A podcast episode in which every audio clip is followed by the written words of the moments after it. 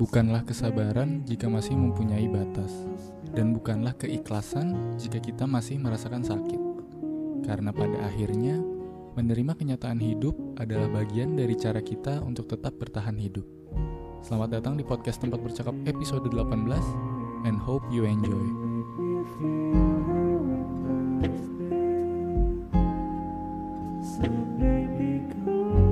Halo semuanya, selamat malam. Kembali lagi di podcast tempat bercakap episode ke-18 dengan gue Kevi Arigi. Saya Andre Banyedoyo dan Selamat datang lagi bersama Iya, Nena. Halo, Nena. Iya, Ada Nena Giesta di sini menemani kita untuk berpodcast Ria. akhirnya nggak deng- akhirnya nggak dengar suara kita doang, Kev. ya? Iya, akhirnya ada lagi nih yang yang bukan antara suara kita lah, Betul. suara betina. Yes. Nah, Kev, Nek. Jadi hari ini Gimana atau gimana? di dalam podcast yang episode ini, gue tuh pengen ngebahas satu hal tentang em, gimana cara seseorang untuk melupakan. Memang melupakan itu nggak bisa namanya satu persen, tapi ada satu kata yang ini kemudian bisa menjadi jawaban untuk melupakan.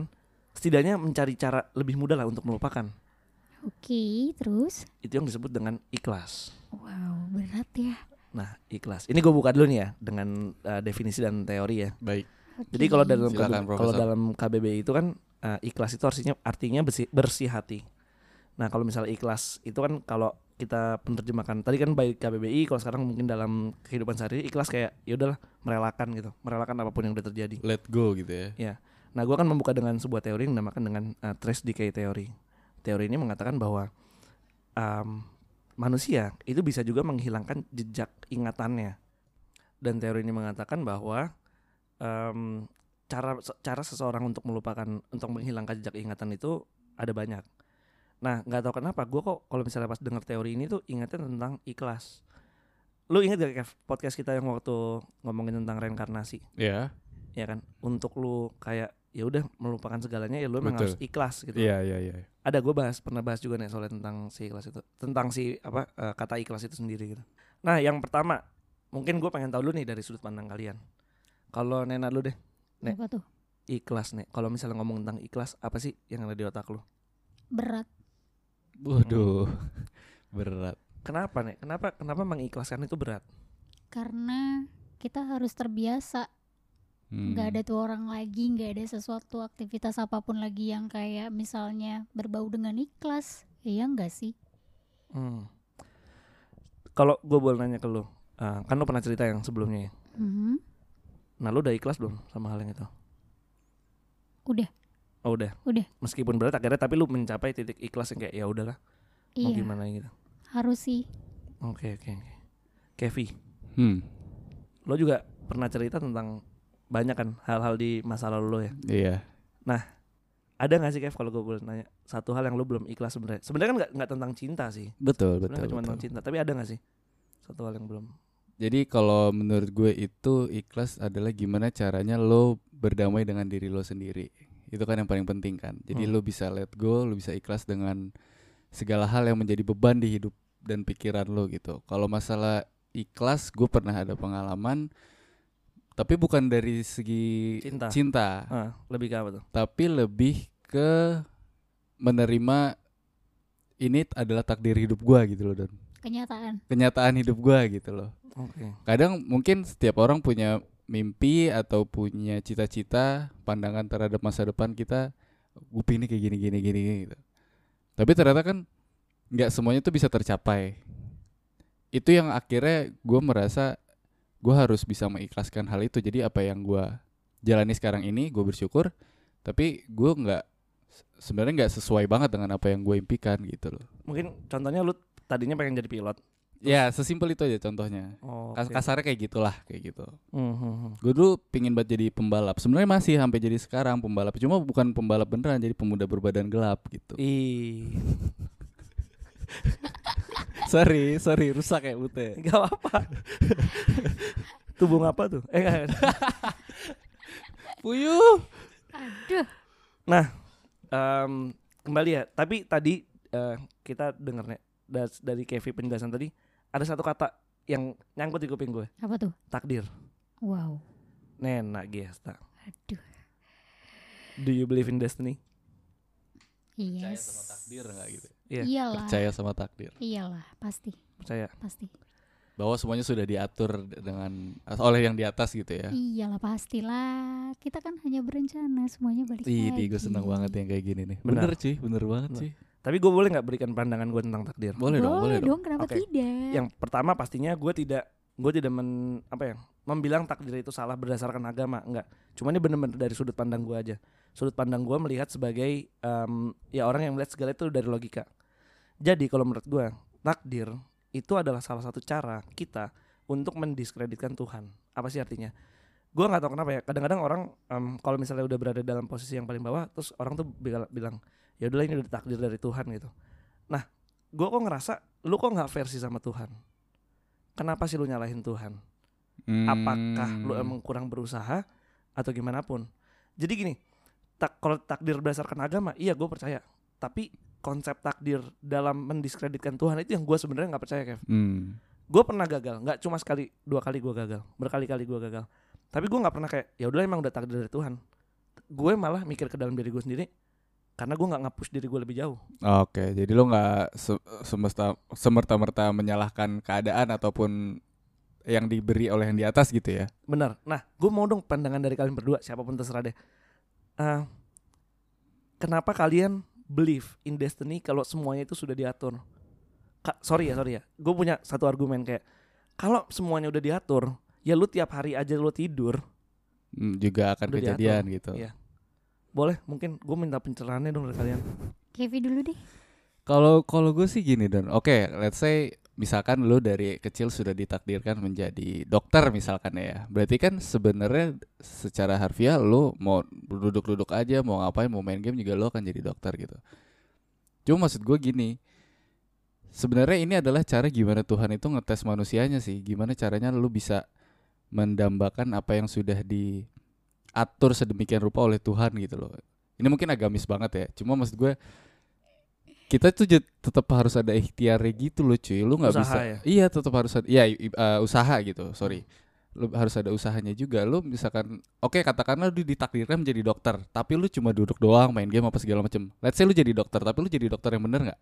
Kan nggak nggak- nggak- belum tentu menjadi dokter yang bener dibanding dengan orang yang memang Ada usahanya. ada usahanya dan untuk lain-lain. menjadi dia praktek di sekolah dokter segala macam gitu loh. itu loh maksud gua jadi yang membedakan mungkin takdirnya itu di situ apa yang mem- eh, apa yang kita lakukan sebenarnya yang membedakan dari takdir kita dengan takdir orang lain itu sih menurut gua nggak tahu kalau Nena Nah, Nek, sorry gue tambahin dikit ya. Jadi lo semua kisah lo yang udah lo ceritain ke kita, Hmm, berarti lo mempercayai bahwa ya udah itu emang takdir gue. iya, bahwa itu akan terjadi di dalam hidup lo gitu iya. Karena setidaknya gue kan sudah berusaha. Kita kan tadi yang gue katakan kita manusia cuma bisa merencanakan, semua balik lagi ke Tuhan gak sih? iya benar Hmm. Mau gimana pun jawabannya, setidaknya kita punya apa ya? Bukan, bukan punya sih, tapi lebih tepatnya setidaknya kita menikmati proses untuk mencapai perencanaan kita tersebut. betul Tapi semua balik Hmm. lagi ya ke Tuhan. Kalau memang enggak, ya mungkin ada suatu hal yang kita nggak tahu dijauhin karena nggak baik atau karena apa, kan kita nggak tahu. mungkin dijauhi hari ini biar di masa depan kita nggak sakit gitu ya. Iya, iya benar gue setuju sih. Hmm, Karena memang rata-rata gue dijauhkan atau tidak direalisasikan rencana gue sama Tuhan itu karena memang ketahuan sendiri nggak baik. Lebih tepatnya nggak baik. hmm. Ya Bener. karena lu lama-lama tahu sendiri tahu sendiri yang lu Iya, ceritain itu kan. Iya. Iya. Jadi di buku gue yang pertama di buku di sini kita di sini ada kita yang pernah itu gue nulis eh, satu kata-kata Gusti Allah Bonten Sare dalam bahasa Indonesia artinya Tuhan tidak nggak pernah tidur, Tuhan selalu menja- gimana ya? Tuhan selalu menyingkirkan orang-orang yang nantinya akan menyakitkan kita dan akan mempersiapkan satu orang yang terbaik untuk menjaga kita. mantap Ini memang gak ada teorinya. Jadi art- artinya kan ini kan kontradiktif banget ya sama gue yang orangnya teoritis banget. iya Tapi gue nulis itu di halaman-halaman awal karena gue langsung mau nyadarin kayak ya let's say gini. Untuk siapapun yang mempercayai agama ag- dan agamanya agama apapun ya, nggak cuma dalam satu agama. Ya udah, lu masih punya Tuhan untuk lu berpegangan itu sebetulnya kan itu kayak gue ya mungkin untuk saat ini ya untuk saat ini kenapa gue menjelaskan apapun dengan teori karena teori itu cara gue berpegangan pada sebuah realita betul Oke. Gitu.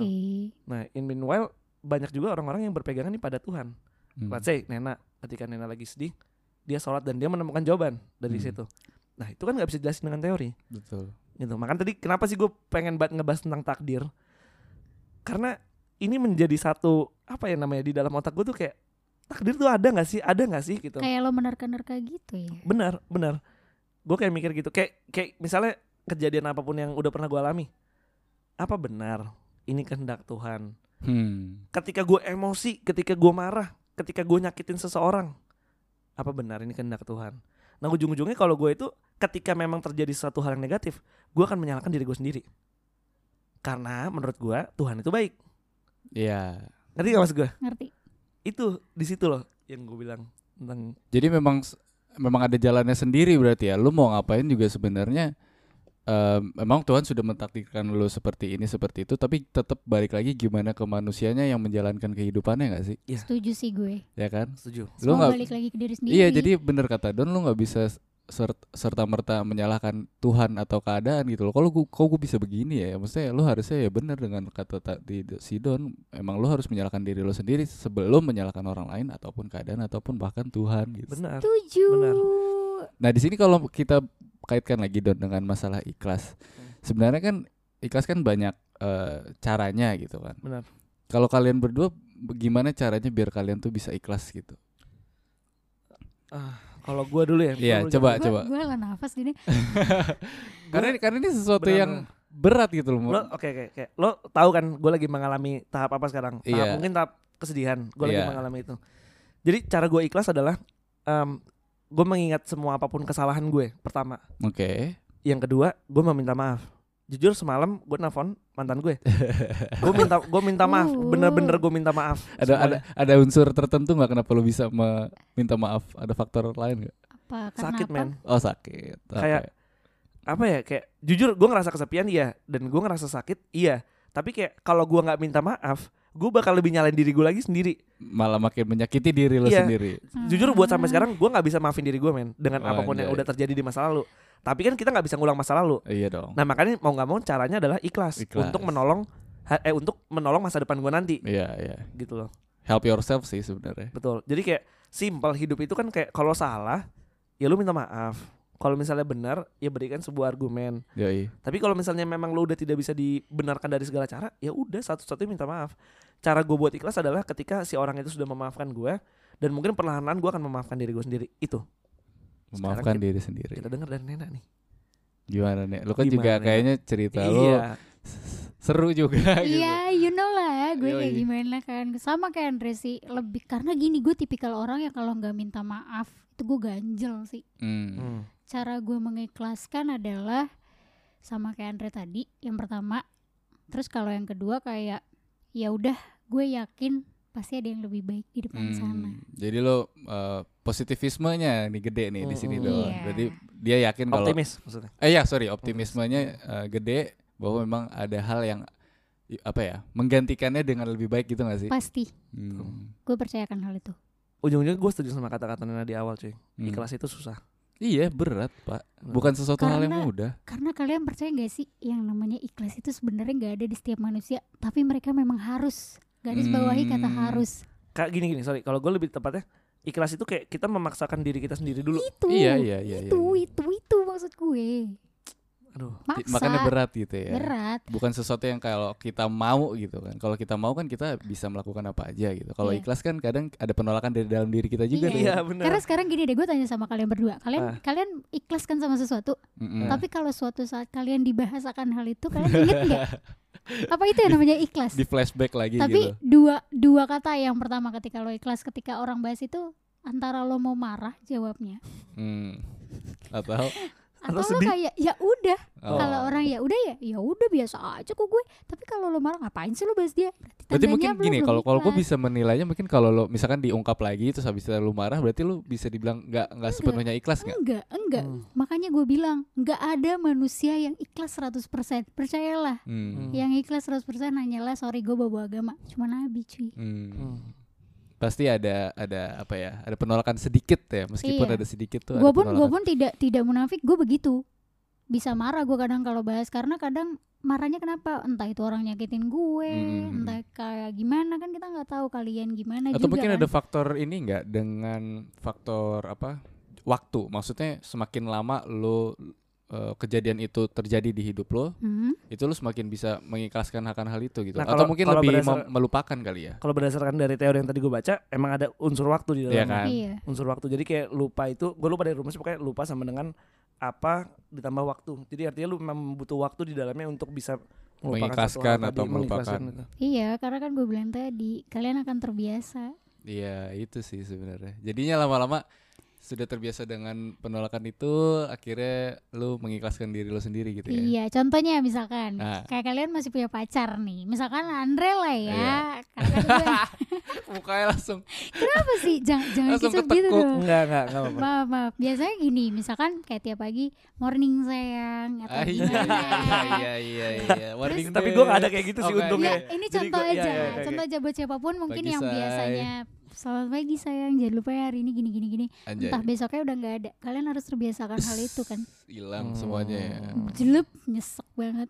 Terus tiba-tiba kangen. Apa itu namanya ikhlas? Iya. nah tadi pagi tuh Kev Lo gitu? Nah, bukan Oh, bukan. niatnya Heeh. gue mau ngucapin selamat pagi ke pacar gue Uh, eh baru inget itu pacar orang Ah. ya Oh, nggak jadi- boleh ya nggak nggak nggak nggak ada nggak ada nggak ada nggak ada nggak ada, Jadi nggak ada udah jadian. nggak ada nggak ada. oh, bukan bukan nggak ada oh, nggak wow. ada nggak Nana ada nggak ikut campur ah? Nggak ada, nggak ada. Itu tadi nggak salah. Nah, terima kasih teman-teman semuanya. Mungkin benar dari awal yang kita udah bahas tadi. Mengikhlaskan itu memang berat. Cuma ketika lu memberikan waktu yang cukup kepada diri lu sendiri, ujung-ujungnya lu bisa ikhlas. Selamat malam, semoga baik dan bahagia selalu. Selamat tidur, semoga mimpi indah.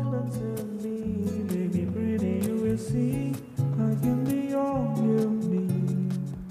I'll keep you safe in his arms. Hold on to me.